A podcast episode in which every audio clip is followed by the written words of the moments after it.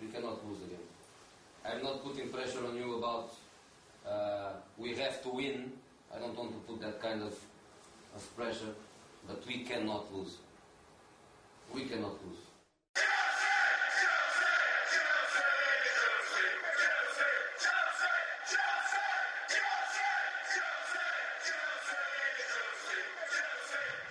Hallå där! Och välkomna till avsnitt nummer 13 av Chelsea-podden. Eh, Oskar och Viktor, precis som förra gången. Mår ni bra? Idag igen? Absolut. Du mår bra idag? Ja, jag mår bra då. Ja. Du då, Oskar? Ja, jo, givetvis. Efter helgens inledande Premier League-seger där så är det svårt att vara annat än nöjd. Ja. Ja, det var fan gött. Inleda med en seger. Mm, och det såg ju väldigt bra ut stundtals där i matchinledningen. Sen lite trist kanske att de egentligen slutar spela efter 2-0 målet. Men å andra sidan, det är en ny match nu i veckan. Imorgon kväll, eller ikväll antagligen när ni lyssnar på det här. Eller igår. Eller igår. Ja. På Kommer, kommer vi spela in på tisdagar förresten? Det kommer variera måndagar och Ja. tisdagar. Så till lite innan kanske. Nästa Ja. gång. Men du, du är snabb. Framförhållning med en timme liksom. Nej, men som du sa, att första halvlek var ju riktigt, riktigt jävla bra. Men som vi pratade om lite innan också, att jag försvarar liksom allt de gjorde i andra halvlek också. Jag tycker det är perfekt. Vi leder med 2-0 och sen så bara vi bommar igen matchen.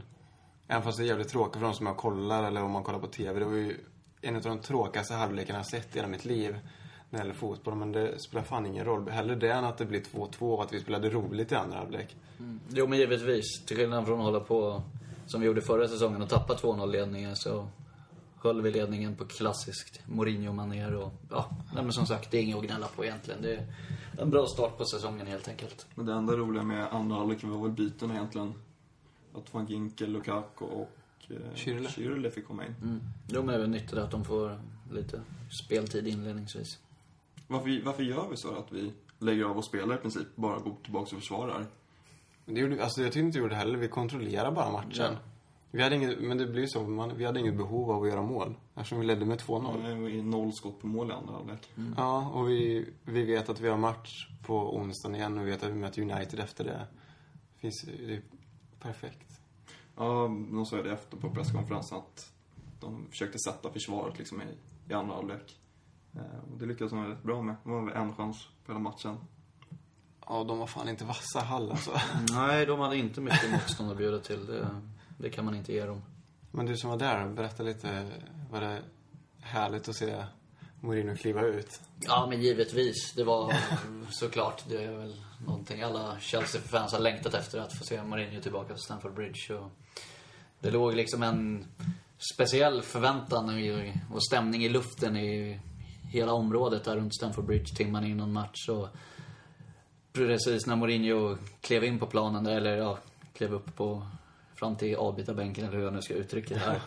Så ja, då var det ju öronbedövande och bra stämning där inledningsvis. Men det dog ju ut i samma takt som matchen och Ja, och liksom trots att vi vann och allt sånt så var, gick jag nästan från arenan med en lite bitter eftersmak och var lite småsur sådär. Dels för att, ja, de sista 60 minuterna av matchen, det hade inte varit så mycket alls att vara glad över. Och, ja, som sagt, stämningen var pissdålig rent ut sagt i andra halvlek. Det var som att alla, ja, spelarna slutade spela och publiken slutade sjunga och, ja, det hände liksom ingenting. Så det var lite bitter eftersmak där, men återigen överlag ändå fantastiskt roligt med en tre poäng i första matchen och att Mourinho nu är tillbaka. Men vilket antiklimax vart efter första halvtimmen. Alltså det, det bästa jag sett på hela säsongen med alla försäsongsmatcher. Eh, och sen bara lägger de av och spela, i princip känns det som. Så att det drar väl ner alltså helhetsintrycket. Men jag kommer ihåg ja, Schürrles chip från andra halvlek. Ja. Egentligen den enda sekvensen jag kan peka ut. Som Ja, liksom kommer ta med sig från den matchen. Det var ju ungefär det enda som hände i andra Ja. halvlek också. Det var ju... Och deras nick som såg jättefarligt först men så var egentligen mitt på mål. Men som vi pratade om också, det, det, ro- man vill se rolig fotboll när man tittar och man vill att det ska vara bra stämning men det är från om det är värt det om man skulle spela till 2-2 om det hade varit roligt. Ja, nej men Alltså jag förstår ju, alltså jag, man vill ju alltid se rolig fotboll. Det är det bästa som finns men det är inte alltid läge för rolig fotboll heller. Ja, Men det är väl därför man accepterar att det såg ut som det gjorde också, för att det var första matchen. Men kommer vi spela så här 38 matcher, då Då kan man inte... börjar, man ju lyfta Är fram mobilen. Men nu är det är det liksom 38 förståeligt. vinster så Ja. gärna. 38 nollor. Ja, men på något sätt är det förståeligt för att det är första matchen på säsongen. Som jag säger, vi har United hyfsat snart. Och jämför man med hur det var när Mourinho tog över första gången där, året 2004, så var vi ju allt annat än briljanta i säsongsinledningen. Visserligen en väldigt viktig, men ändå inte särskilt övertygande 1-0-seger mot United i första matchen. Men efter det var det ett par 1-0-segrar till. Eh, och det var liksom mot klubbar som Birmingham och sen 0-0 mot både Aston Villa och Tottenham. Det var ju först efter ja, en och en halv, två månader som det egentligen lossnade då. Så, så länge vi tar poängen i säsongsinledningen då, ja, då är det bara att vara nöjd, tycker jag. Kommer ni ihåg förresten vem som tippade 2-0? Och väntar Till på att Chelsea. komma upp. Var det du eller? Ja, det är klart det var. Så jag var ju närmare på att sätta mitt resultat egentligen. Varför då? Det var det inte. Jag vann ju. Det blir ju 2-0 2-0. efter 20 minuter, sen bara slår de av på takten. Jag, jag pratade med Mourinho innan och berättade hur han skulle göra. Det var straffmiss ingick i planen Ja, och sådär. ja. Ja, jag hade ju Lam- Lampard som första Och jag visste ju, jag, jag, jag sa ju det, jag visste att Torres skulle starta också. Jag visste att det blir Ja, inte så många mål. Eh, Så har vi ett nytt segment idag som heter Oscar byter bild på Twitter. Varför det? Förlorar han åt Ja, vad? Vem var högerback? Ja, men det, jag ingick Men det aldrig var- var- Vi får lyssna tillbaka. Ja, jag har inga minnen av det. Min advokat... Men det var väl mest för att det var Mata och Aspelekueta Ja, startade. vad för att de ni om- hade rest långt. Eller vad fan var det? Eller vilka var det som hade rest långt som Mm, ja, men inte så var det väl någonting. Ja, Aspelekueta var det väl. Matt hade ju varit lite skadad Mm. också, men han kanske kan vara med här mot Villa. Eller Det definitivt låter väl som United. 50-50. Han är skadad i vänsterbenet och det. Men det, Och, ja, Ja. förlåt. nej, kör du. Han kom jag av med bara därför. Ja, nej men jag tänkte på det här med Mata. De pratade väl i studion om det. Hur ska Mata få plats? Vadå Mata få plats? Han är ju given i startelvan. Och Det är ingen men det är väl... fråga om vart han ska få, om han får plats. Om han får plats. Jag såg att det var diskussion om det på forumet också. Om han skulle få plats. Det är väl snarare vem han petar och sån här... Som kan vara Ja, och inte om han tar plats. Nej, nej, nej, nej, det är ju klart han gör. Men vem är han petar då? Är det De Bruyne? Måste det väl Ja. vara. Fast Oscar startar väl också? Ja, Ja, men Oscar, båda de två var ju väldigt Ja, bra tycker jag. fantastiska. Men det känns som att Oscar går Men det- före De Bruyne och Matte går före båda dem. Så. Men det är ett jävla lyxproblem också. Mm. Jo, nej, men det är bra att ha. Det kommer ju vara mycket matcher. Och vi hoppas det. Och Hazard led från höger. Från start. Men det såg ut som de mest var nere vid vänsterkanten. Men de har ju släppt, även om de hade fria roller förra året så har de ju släppt ännu mer på mittfä- de offensiva mittfältarnas positioner i år. Och, um, De Bruyne startade på högerkanten. nej, Jo. Eddie. Som Mourinho kallar honom. Eddie? Mm. Hazard. Ja. jag tror du menade De Bruyne. Jag fick inte ihop det. Nej. Varför kallas han Eddie? Jag kallar honom för Sjöleffe. Lättare att säga. Nej men Nej. skitsamma, det är inte så jävla viktigt. Men han startade på högerkanten. Men det... Jag gillar att de har fria roller. Det... det... Ja, det blir lite mer levande och lite Ja. mer rörligt och sådär. Det känns positivt. Vad tycker ni om Torres då? Bra eller ons? Bra var han väl ändå. Han Ja, var väl en godkänd insats. Det var ju liksom inget... Det var ju Ja, som men- hela laget. Man kan ju inte skylla på Torres var dålig i andra halvlek. Jaha, Det var ju alla andra också. Mm. Han gjorde ju en bra första halvlek också, precis som de andra. Så, men jag vill ändå säga Lukaku Ja. egentligen redan mot Aston Villa. Men det tror jag inte. Jag tror att Torres kommer få fortsätta. Det, det är ju konstigt om Mourinho liksom börjar spela anfallare varannan match liksom redan i början där. Det, det Men frågan är när ska Ball lira egentligen?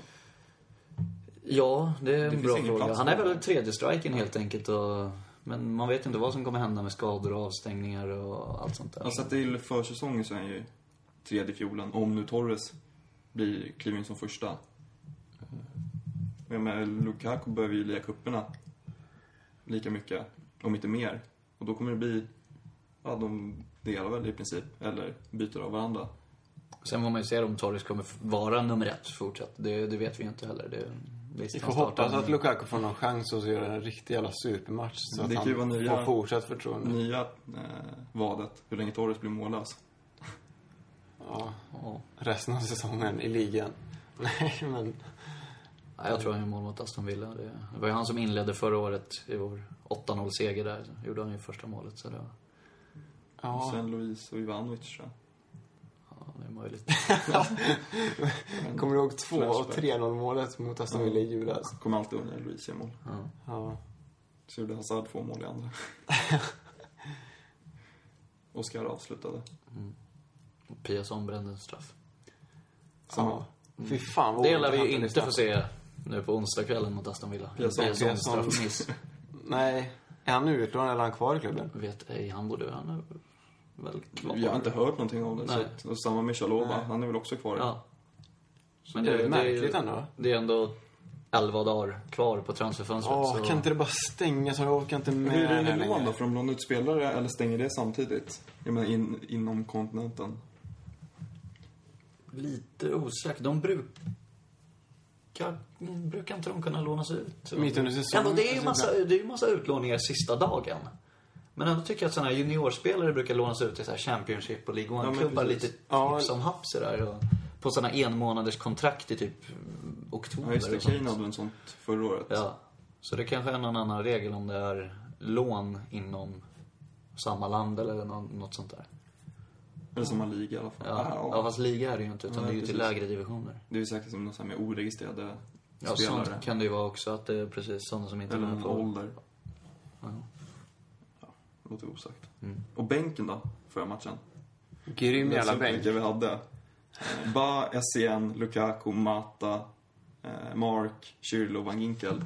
Och då var Louise och Aspilicueta på vid sidan av. Ja, Louise är ju fortfarande skadad. Ja. Ja, en väldigt, väldigt stark bänk jämfört då med som vi pratade om förra hade säsongen. Benayoun och Marin på bänken. Ja, och fyra mittbackar typ, Ja. eller fyra backar så här, Ferreira och vilka det nu var. Fy fan. Nu, ja, precis, nu är det kul. Varje gång det blir ett byte så blir man ju in- intresserad av att se vem som kommer komma in. Eller hur? Istället för att sitta och... Nej, Ja, inte i bästa byta. fall var det- Inte byta. Ake förra året. Det var liksom höjdpunkten på bytena. För han har spelat i år då? Nej. Kan aldrig tänka mig. Skriker lån, tycker jag. Ja, det vore nog nyttigt för honom. Det, han har ändå fått varit uppe och känna lite på liksom, A-laget med Chelsea, men ska han ta något steg till så Vi krävs det väl in liksom van. Ginkel Tog tillbaka SEN som Mm. också är i samma position. Så det, jättelångt bak än. Jag har hört någonstans att han nekat en utlåning. Antingen om det var till Vitesse eller om Vitesse blir nästa anhalt. Och det är ett rätt rimligt steget. De tar en sväng i Holland. Ja. Som så många andra, så att säga. Ja. Sen någonting som vi glömde ta upp. Alltså målerna. Eh, två jävligt läckra mål. Så det var ju skönt att Lampard fick revanschera sig i samma halvlek efter en inte så jävla bra straff. Nej, Dåligt slagstraff. Var inte superbra, det var det inte. Men... Och frisparken, visst det är en fantastisk frispark från långt håll, men är det inte nästan så att han ska rädda den ändå? Det är, men det är bollarna, de som wobblar. Man den- ser att alltså, han ja, i den går den ju så- handen. ja. Och så missar, den, miss, den liksom undviker handen precis. Eh, det är som vi pratade om förra gången, målvakter ska inte börja tänka, de ska bara agera. Men det är då de är som bäst. Nej, men jag, jag såg knappt det här som en målchans liksom. Vi...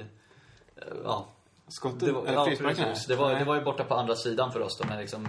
Vi satt kvar nere på våra platser liksom och förväntade sig typ ett inlägg eller liksom att han skulle lyfta in den i straffområdet och helt plötsligt bara pum, flyger bollen upp i nätet där. Så det var kommit som en riktig överraskning. Och, Det var jävligt hård frispark i alla fall.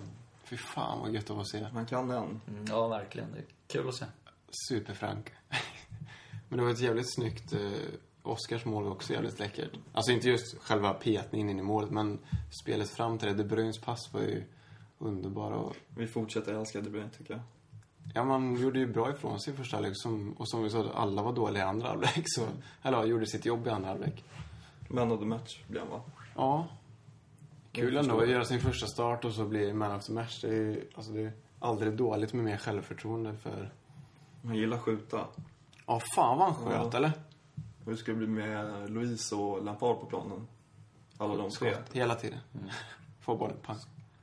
Och sen, fan, finns inte... Det hände ju så. Det var ju bara en halvlek att prata om. Mm. Det är inte så jävla mycket mer att prata om. Eller har ni någonting, någonting specifikt ni vill ta upp?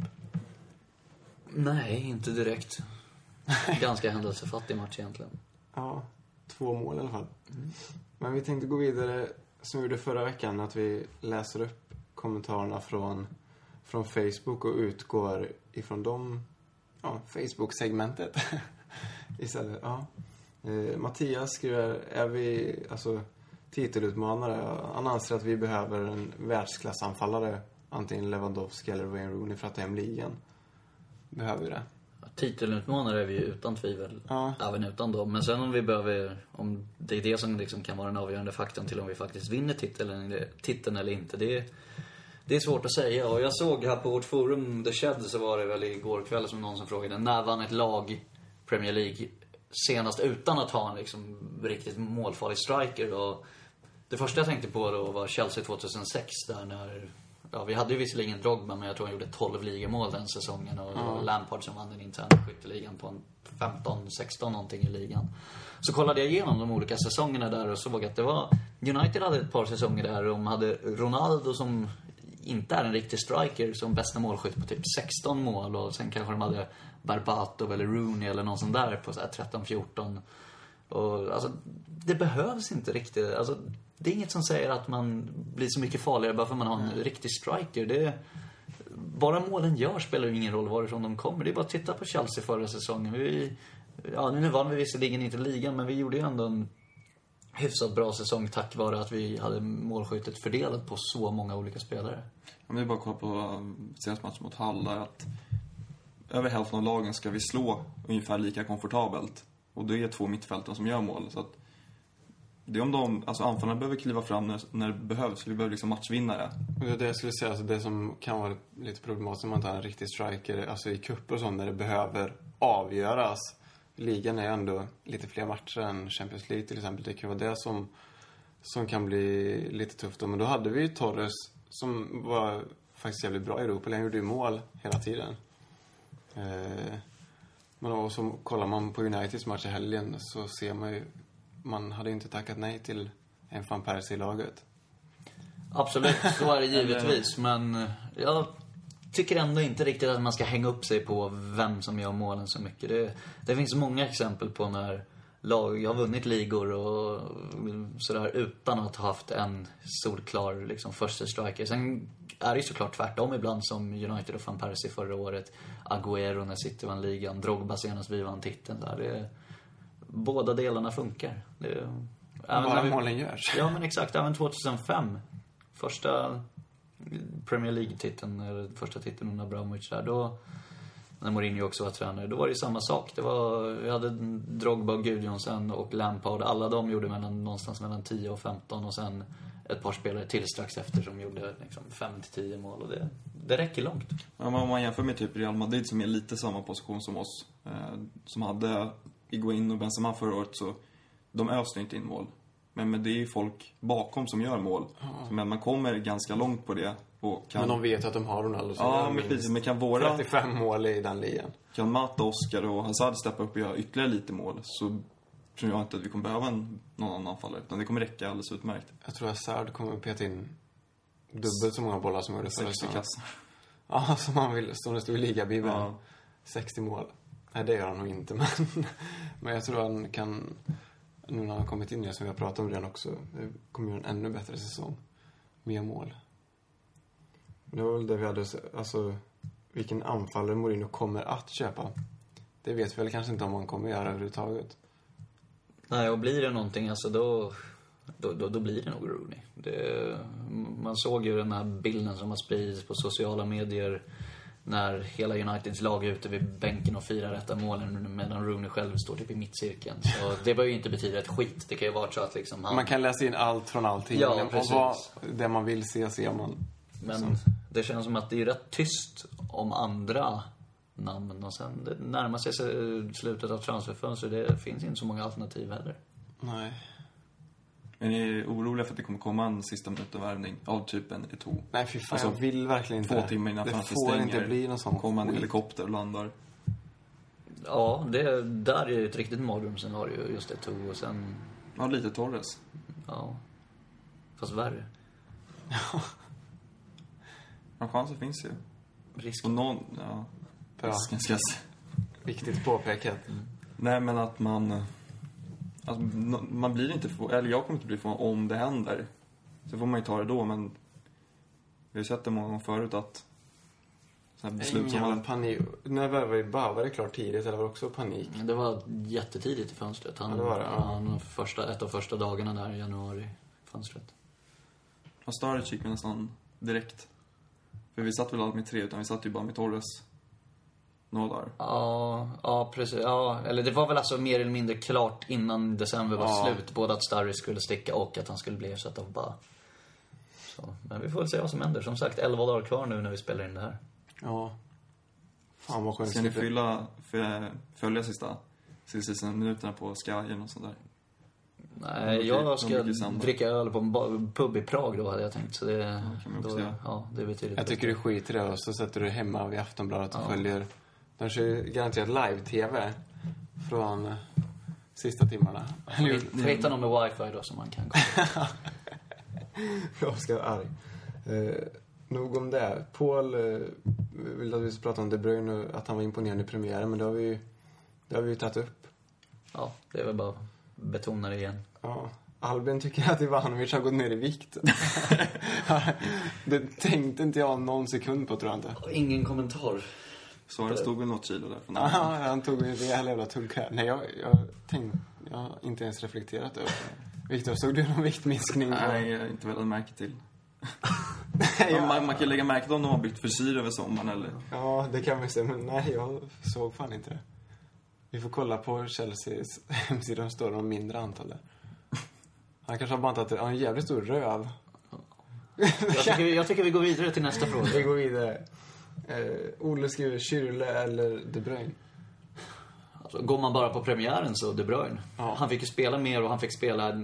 Han hade ju även den fördelen att han spelade en bättre tid av matchen. Alltså, när det verkligen hände någonting. Men han gjorde det väldigt bra. Så alltså hans liksom, status i truppen kan ju inte ha minskat eller försämrats av det här.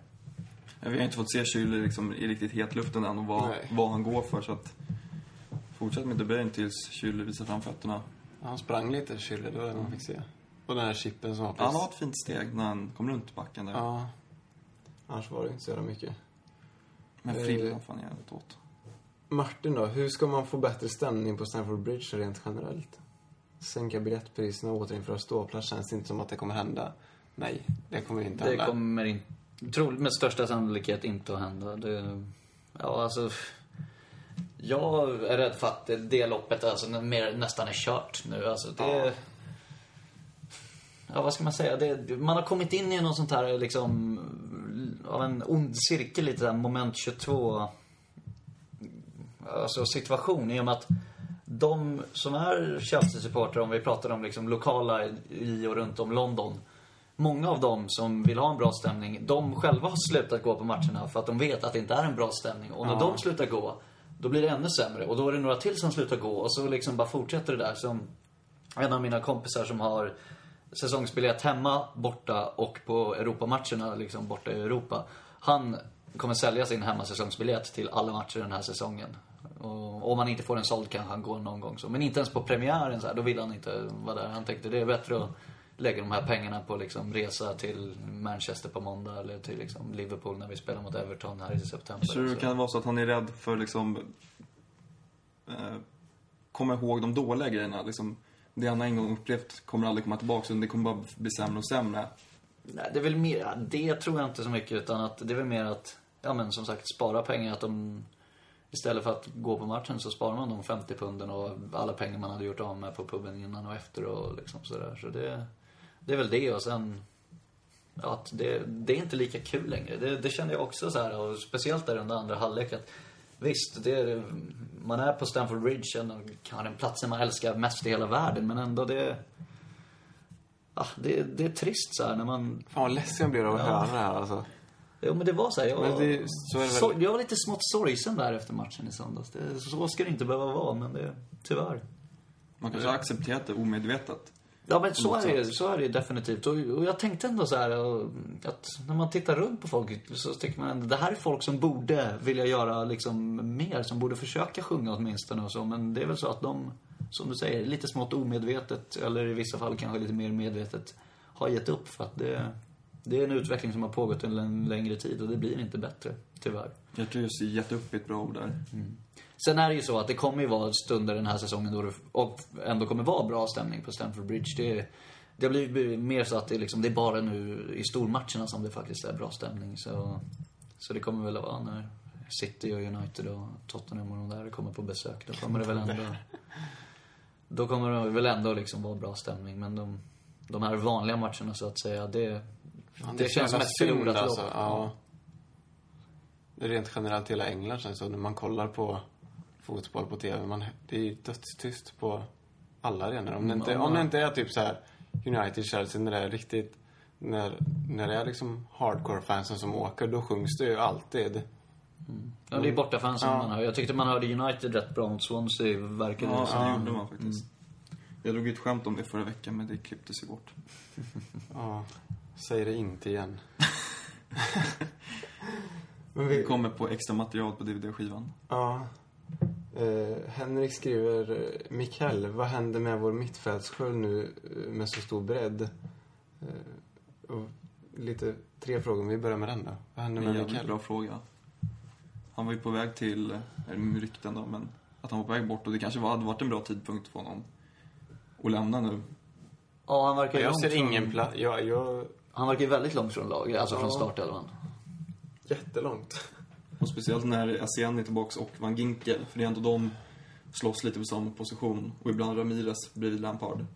Så det är ytterligare ett tecken på att han kanske ska lämna. Ja, det är möjligt att det händer någonting där. Det är under transferfönstrets sista dag, det vet man inte. Hur ser, han- undrar hur han ser på sin position om, alltså om jag hade varit i hans situation så skulle man ju vilja gå, för det är inte, han är inte, det är inte så att han bara håller Championship, han är fortfarande en bra liksom defensiv mittfältare. Men vi har bättre spelare på den positionen, man skulle Ja. kunna platsa i ett bra lag någon annanstans. Ja, han skulle liksom utveckla sin karriär fast på ett annat ställe. Jag hoppas, Så hade jag ju tänkt. ja, men jag hoppas att Chelsea försöker casha in lite också. Men jag vet inte om man kan vara värd idag. Mellan 100 och 200 kanske. Istället för att låta dem ruttna på bänken ett år till och tappa halva värdet. Ja, nej, en försäljning av honom vore kanske inte helt fel. Nej. Lukaku, redo eller inte? Redo. Redo. Ja, Det är bara in med honom för fan i hetluften. Han redo att slussas in i alla fall. Ja, fan. Och nu var det ju, som vi varit inne på, en miljard gånger på 28 minuter. Att han kom också in i andra halvlek. Det fanns inte så mycket att jobba med överhuvudtaget. Eh, ja, kan han sätta 20 baljer? Det tror jag han kan om han skulle få chansen. Det tror inte jag. för Jag att han slog det. ju lite straffar i eh, West Brom också. Det Men han, glömmer ju, han var inte startspelare där. Han- Skulle han vara startspelare hos oss så skulle han... Tror han lätt skulle komma upp på 20. Skulle han vara vår första striker så skulle han kanske kunna göra det. det Men det kommer han inte, det märk, det kommer han inte vara. nej. Tror jag inte. nej, tyvärr. inte hela säsongen Nej. i varje fall. Eh, Jonny, ledarstaben, vilka är nya och, och vad har de för uppgift? Har du no- är det någon som har koll på det? Ja, eh, José Mourinho är ny tränare. Oskar är på tisa som är Man tog med sig några gamla S. Jag tog en med de här Rui Faria Ja. och Silvinho, Loro och allt vad de heter, de där eh, gamla rävarna. Ja. Jag- Ja, den enda... Ja, båda var ju där när han, när han kom 04 i alla fall. Då hade de väl med sig någon från Porto. Ja, exakt. Och sen tror jag att de har åkt med honom i Inter och... Sen är väl han gamla syriska tränaren, inte han? Eller? Eller vem det nu var. Han, José Moraes, eller? Eller jag blandar ihop helt här. Ja, alltså det är, jag har inte så jävla bra koll på staben. Ja. ja vi lämnar det. Vi hänvisar till Ja. Chelseas hemsida. Ja, så får ni rätta oss om vi har fel. Vilket vi aldrig har. Eh, ja, det, var, det om Facebook. Eh, förra veckan fick ni ju en mjukstart på eh, Oscar berättar. Han inledde med att berätta om, om en gammal anrikpub som har gått i graven. Och, eh, vi vet faktiskt inte vad Oscar har i bakfickan utan han, det är en surprise för oss också. Så vi, eh, är du redo Oscar? Eh, ordet är ditt. Oscar berättar del två. Ja, tack så jättemycket. Ja, och för er som av någon anledning inte hörde förra avsnittet så kan jag bara lite kort berätta vad det här Oscar berättar innebär. Och det är så att varje avsnitt så kommer jag prata lite om något fenomen eller någon händelse eller någonting som har med Chelsea supporterkultur att göra. Och det kan vara något som hände för länge sedan, något som har hänt mer nyligen eller ja, någonting som helt enkelt har med Chelseas läktar och supporterkultur att göra. Och den här gången så ska vi prata om en av Chelseas mest kända läktarsånger, nämligen One Man Went To Mo. För det finns en liten historia som kanske är extra intressant för oss svenskar om hur den här läktarsången startade. Och då får vi backa bandet till 1981. Och eh, det här var ju på den tiden då Chelsea inte var på träningsturnéer borta i USA eller Asien utan lite närmare England, eh, nämligen i Sverige. Och eh, det var ett antal Chelsea-supportrar som åkte från England till Sverige för att se de här matcherna. Det var på en massa olika ställen i Sverige. Västerås och Flen och Östersund och, och så vidare. Flen av alla jävla ställen. Ja, det stämmer. Och en av de här Chelsea-supportrarna som eh, var med på den här resan och som garanterat kommer att eh, dyka upp igen i Oscar berättar eh, var Mickey Greenaway, den kanske mest legendariska Chelsea-supporter av dem alla. Han som egentligen startade all, all form av läktarkultur och stämning på Chelseas matcher. Eh, Han hade med sig en bandspelare som han spelade ett kassettband med olika barnvisor, engelska barnvisor, eh, på under den här resan. Och en barnsång som inte alls var någon så här eh, känd sång. Det var inte liksom deras Lilla Snigel eller Imse Mimse Spindel, utan det var en, en relativt anonym liten barnvisa. Var just One Man Went To Mow. Och eh, under den här resan så började de Chelsea-supportrarna som var där sjunga sången bara på skoj liksom. Och eh, sen när de kom tillbaka till England och började gå på vanliga matcher i ligan så var det samma sak där. De, det gänget träffades på puben innan. Och då, bland annat på den här eh, puben som vi pratade om förra veckan. The Britannia som den då hette på den tiden. Och eh, så sjöng de den sången och så spred det sig allt mer till andra pubbar och eh, ute på bortaläktarna. Och nu är det väl en av de ja, men, ändå kändaste fotbollssångerna som finns i England. Och den har ju även spridits bortanför Chelsea. Aberdeen sjunger exakt samma version. Och här i Sverige har vi eh, Djurgården som har gjort en svensk version. Hunden Leif heter ju den då. då. Den vill vi inte höra. Den be- behöver vi inte höra nu, nej. Ehm, och eh, ja, alla som har varit på en Chelsea-match någon gång har säkert hört den här sången och eh, det är väl en av de bättre Chelsea-ramsorna i och med att den kan liksom... Tanken är att man ska sitta ner när man sjunger hela vägen upp fr- från 1 till 9 och sen på 10 ska alla ställa sig upp. Tyvärr sjungs den lite fel, alltså det kan vara... Ja, folk brukar lite svårt att hålla tempot och sådär. Och, men när den sjungs på rätt sätt, då är det en väldigt, väldigt bra och effektfull ramsa som nu ofta hörs bra på TV när Chelsea spelar på bortaplan och sådär. Så det är en, en, av, en, av, en av våra bättre läktarsånger. Vi tänkte avsluta med att sjunga den. Ja, jag är tveksam va? Jag kan ju försöka, vi kan, Victor du får försöka hitta klipp på det så vi kan, Det är- klipper vi in det i det här avsnittet så börjar vi nästa podd med Ett smakprov av Went den kommer nu. Det kommer ju Oscar Nej, men så lägger du in den alltså. Jaha, jag trodde Oscar skulle sjunga. Nej. Ja. Jag satt och väntade på att Oscar skulle sjunga. Jag bara, kom igen Oscar, nu kör du. Nej, det blir ingen sång. ja, men vi lägger, kan lägga in den. Mm. Mm. Och det var alltså del två av eh, Oscar berättar. Jag älskar det nya segmentet. Det, det, det, vi får köra så. Du får inte avslöja innan för oss heller. Jag vill, ha, jag vill ha en liten historia varje, Det där med varje barnvisor tisdag eller måndag. på. Lampard skulle ju skriva en barnbok, eller har skrivit. Har, har det någonting med det att göra? Vet du det? Vad? Va? Hur skulle du kunna ha det? Nej, jag vet inte, men liksom att... Nej, det var ju förknippats Nej, det var- nej. och så. Nej. Nej, verkligen inte. Kul att du försökte. Det var lång, är långdragen... Ja, väldigt långt. Eh, och vi tänkte väl gå vidare från Oscar berätta till... eh, ja, vi har match mot Villa imorgon. Och för er som lyssnar blir det väl ikväll, helt enkelt. eh, Eller igår. Eller igår. Nej, det, det blir det inte. Och Villa som öppnade jävligt starkt mot Arsenal. Vann med 3-1 mot dem. Benteke så jävligt hungrig ut som vanligt. Eller som han slutade förra säsongen egentligen. Det är väl det enda hotet mot oss kan jag tänka mig. Får se upp där imorgon. Ja, Ja, det lär ju inte bli som sagt lika enkelt som 8-0 matchen i vintras där när Villa var helt under isen. jävlar, då... Fan. Ja, de kommer väl hoppas på en till borta seger nere i London nu. Så, men det kan vi väl försöka stoppa i varje fall. Ja, gött. Då leder vi ligan. Mm. Ja, det kanske blir en serieledning vi aldrig släpper. Det Ja, man hoppas ju det. skulle kunna vara. Men då, ja, först ska vi vinna mot Villa här och sen inte tappa den sen. Så, ja. Mancher, ja, det... Ja, deras match. Jag vet inte om ni såg den, men det... De fick väl någon utvisning i Arsenal också. Det straffar och...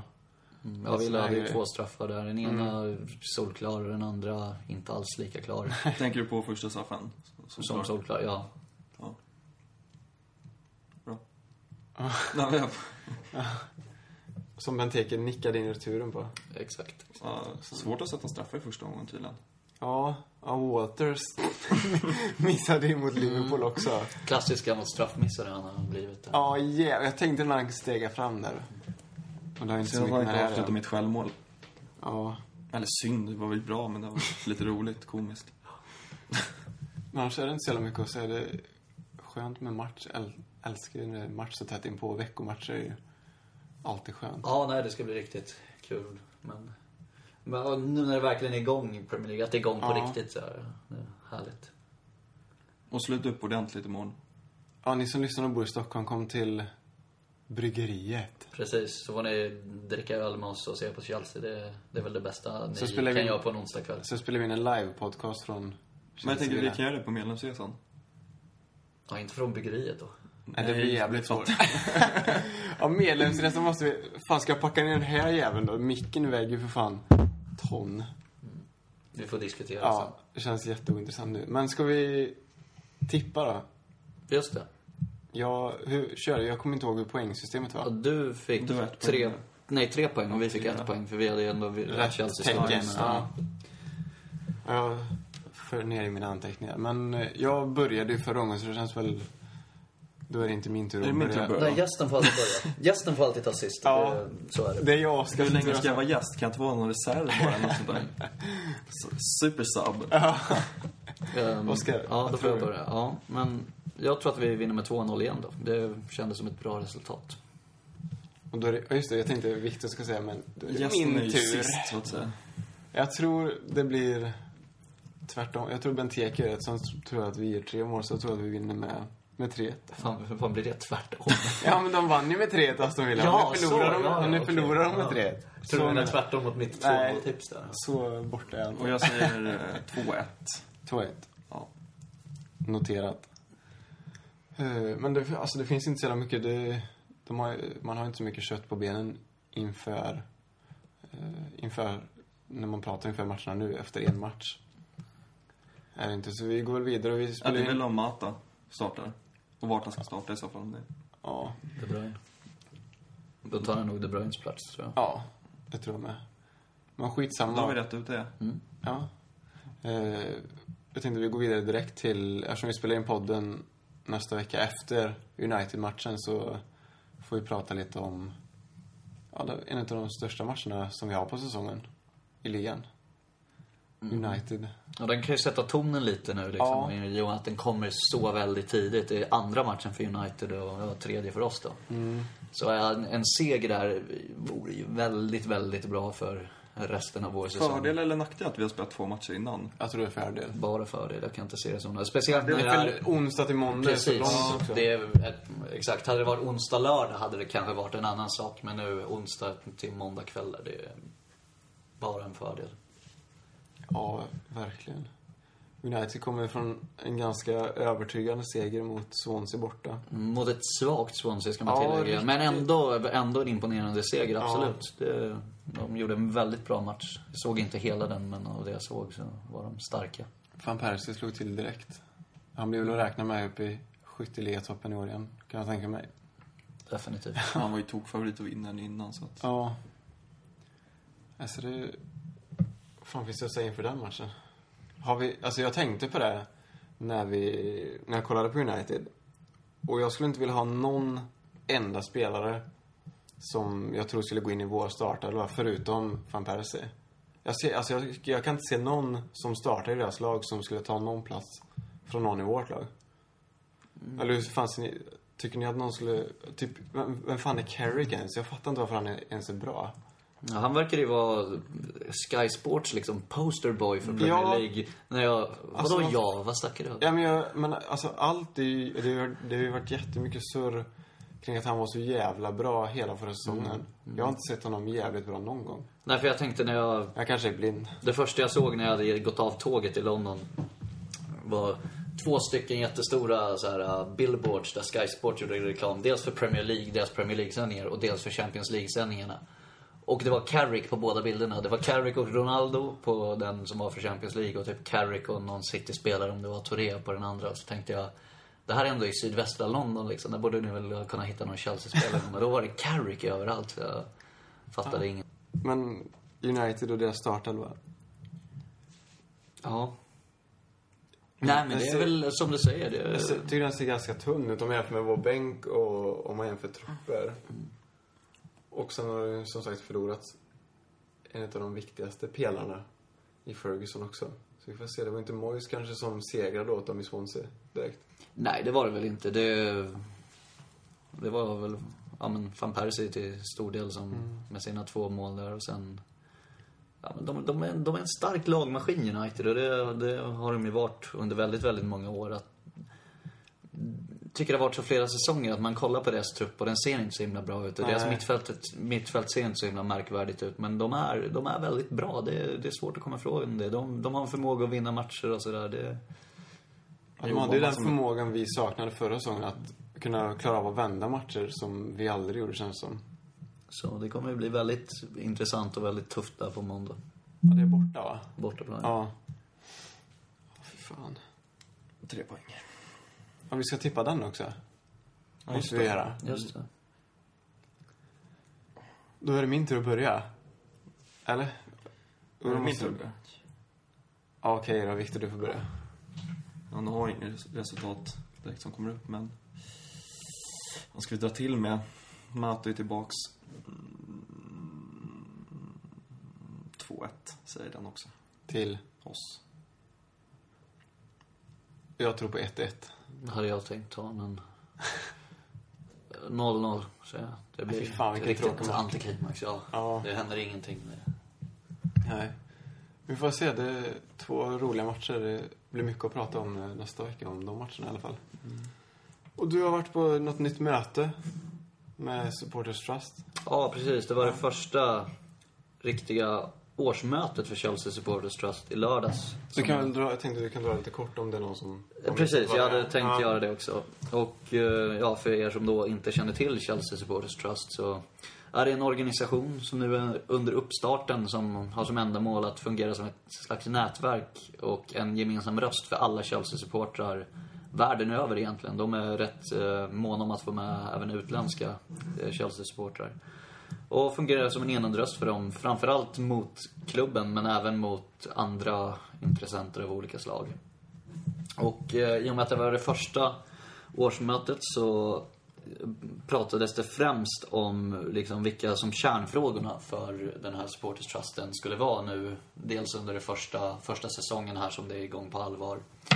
Och eh, ja, även på längre sikt. Jag tänkte bara nämna kort liksom, några av de sakerna som Eh, ansågs vara viktigast. Och det här baseras på en eh, internetenkät som alla medlemmar i Chelsea Supporters Trust, alla som har betalat in medlemsavgiften, har fått fylla i under sommaren.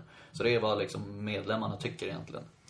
Och det är att eh, den här Supporters Trusten ska jobba för att få införa safe standing, alltså ståplats eh, på Stamford Bridge och ja, övriga arenor i England. Att man ska jobba för att förbättra stämningen på Stamford Bridge, vilket vi har sagt kanske inte är det helt, inte det är helt dött. lätt. Ja. Eh, Man ska jobba för att eh, biljettpriserna ska vara så låga som möjligt. Kanske inte för att de ska sänkas, men för det känns rätt osannolikt. Men att de ska, inte ska höjas allt för mycket i varje fall. Och att eh, få lite, ja, fler rabatter och sånt för ungdomar och familjer och så vidare. Sen ska man också jobba för att integrera med lokala aktörer runt om i arenan, eller runt om arenan liksom näringsidkare i närheten, pub och restaurangägare och olika affärer och sådär på olika sätt. Eh, och man ska jobba för att få med sig utländska supportrar och även kunna tillgodose deras krav och önskemål. Eh, man ska jobba mot Viagogo som är en biljettbytessida som har ett officiellt samarbete med Chelsea och de tar ut höga avgifter och till eh, Europa League-finalen så låg det ute väldigt mycket biljetter där till, till överpriser och det är rent ut sagt för jävligt att det kan vara en officiell, en officiell partner till Chelsea när de liksom rånar supportrar på pengar gång efter gång efter gång, men så är det. Och de ska även jobba för att Chelsea ska stanna på Stamford Bridge, för det tyckte majoriteten av de som röstade i den här omröstningen då, i den här enkäten. Och eh, slutligen så ska, har de blivit lovade, klubben, att få en plats på eh, fansforummötena. Det är tre möten som hålls varje säsong med olika represent, representanter för Chelsea-supportrar och med klubben då. Ron Gorley har varit med ibland och Bruce Buck någon gång kanske och lite sådana här biljettchefer och sånt där på Chelsea. Så det är fortfarande under uppstart det här men det, det är på gång i varje fall och förhoppningsvis så kan det kan det vara, vara någonting positivt som kan komma ut ur det här i varje fall och att Chelseas supportrar får det lite, lite bättre i varje fall. Hur, ser, ja, hur ser de här mötena ut? Är det någon ordförande som håller i det eller är ordet fritt liksom? Just det. Eh, nu, fram till nu så har det varit en grupp av frivilliga som har varit en liksom working group som de kallar någon slags arbetsgrupp då, som har lett mötena. Eh, och nu, efter det här mötet, så ska en styrelse på nio personer utses och det är tio personer som kandiderar så det är en person som kommer uteslutas då. Är det du? Jag är inte med och kandiderar så det är inte jag som kommer uteslutas. eh, och det är många av dem som redan ingår i den här arbetsgruppen och är de personerna som då kommer att eh, ingå i styrelsen sen. Och eh, det, det är många av dem är sådana som jag i varje fall har förtroende för. Jag tycker att det, det är bra folk som verkar vilja det bästa för Chelsea och klubbens supportrar. Så det känns väl ganska bra. Det enda tråkiga är att det har väl inte riktigt spridit sig lika stort som man kanske hade hoppats på. Det, de har än så länge bara tus, drygt tusen medlemmar som har betalat medlemsavgiften. Jag hade väl trott att det skulle vara lite fler, men förhoppningsvis kommer det komma mer under säsongens gång. Eh, och på mötet där kanske det var 35-40 personer eller någonting i lördags, så det var inte så här, ja, inget jätteintresse. Men å andra sidan, det var ju inte en match då, utan det var dagen innan och folk har väl annat för sig på lördag eftermiddagar kan jag tänka mig. Så. Men det, det är på gång i varje fall. En kommentar bara angående den här enkäten. Det är nästan lite paradoxalt att jobba mot bättre stämning men samtidigt jobba för att få mer barnfamiljer. För jag förstår ju liksom grejen med att få ner priserna eftersom det blir jävligt dyrt för en familj att komma på Chelsea. Precis Men alltså som det- vi bokar via Viagogo. Ja, men, ja, eller hur?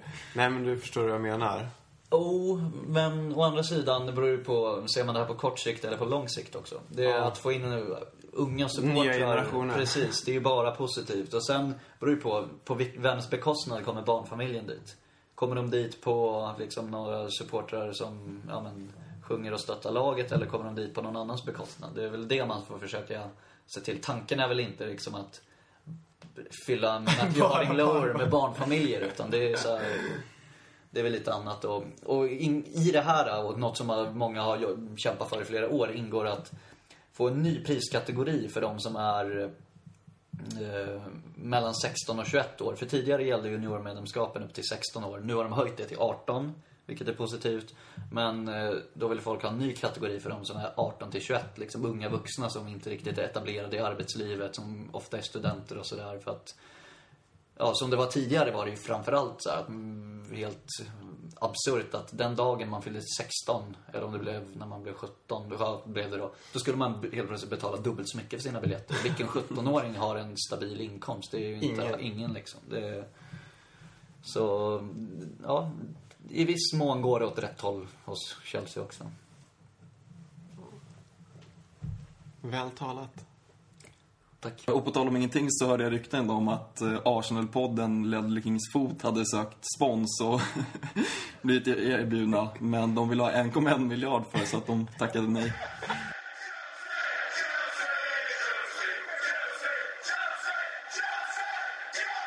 Ja, men sen trillade jag över en rolig tweet från Oscar som var några dagar gamla idag. Eh, där han hade postat en länk på ett ganska kul YouTube-klipp om från en eh, hängiven Chelsea-supporter vid namn Loch. Du kanske kan berätta lite om vad det klippet handlar om innan vi skrattar ihjäl. Eh, ja, just det. Eh, det är min kompis då. Eh, som inte heter Loch. Han är ju ingen sjö i Skottland. Jag kommer alltid kalla honom Loch. Ja, ja. Eh, ja, Simon heter han, Lorch i efternamn, vilket också är hans nickname. Jo, det var så att han förlorade ett bett, eller ja, han, han vägrade äta hundmat en gång. så då blev han istället tvingad att göra en tatuering. Och eftersom han är en stor Chelsea-supporter i dubbel bemärkelse kan man säga. Eh, han åker på väldigt mycket matcher, var till och med ända borta i Japan och såg klubblags-VM med Chelsea här förra året. Så tyckte de att en bra tatuering för honom kan vara en matador. För att han gillar Juan Mata och han gillar spansk tapas och sånt där. Så då skulle det bli en matador. Men vi kan ju säga att den här röda mm, liksom, tygstycket som matadoren har blev inte riktigt vad han hade förväntat sig. Mer än så tänker vi inte säga, men vi kommer lägga upp klippet på vår eh, Facebook-sida så ni kan gå in och kolla på det där. Och det är sevärt. Sen var det ett klipp om Tottenhams fans. Just det, ett ska jätte, tipsa om. jätteroligt klipp som kom upp eh, tidigare i veckan här. Några Tottenham-fans som har gjort en liten egen sång om deras klubb och ja, ni får väl titta på den själva och dra era egna slutsatser men det var länge sedan jag skrattade så mycket kan jag säga. Det var en trevlig avslutning på det här kanske.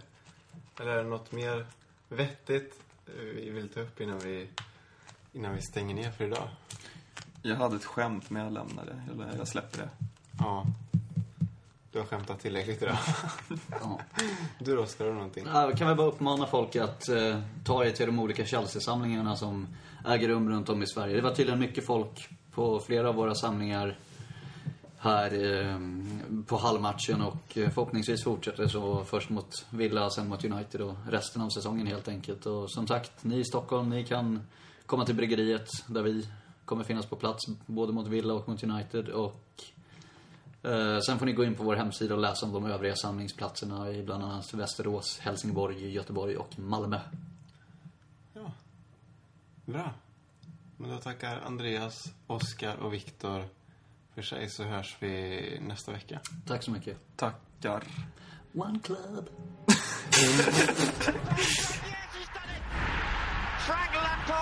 equalled the Chelsea goal scoring record. Number 202 for the midfield player. A landmark moment for him.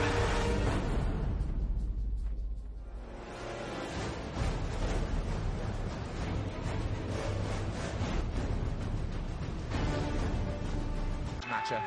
Lampard. Torres is now leading the attack. And here's Ashley Cole, and there's a chance here. And Lampard, he's done it. He's got 203 goals for Chelsea.